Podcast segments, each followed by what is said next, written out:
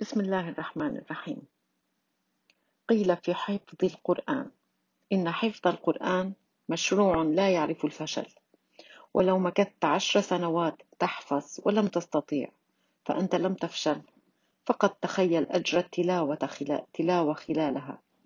قيل للحسن البصري فلان يحفظ القرآن. قال بل القرآن يحفظه. فإن أردتم بركة في أوقاتكم وأعمالكم فاجعلوا لكم من بين زحام مواعيدكم موعدا مع القرآن.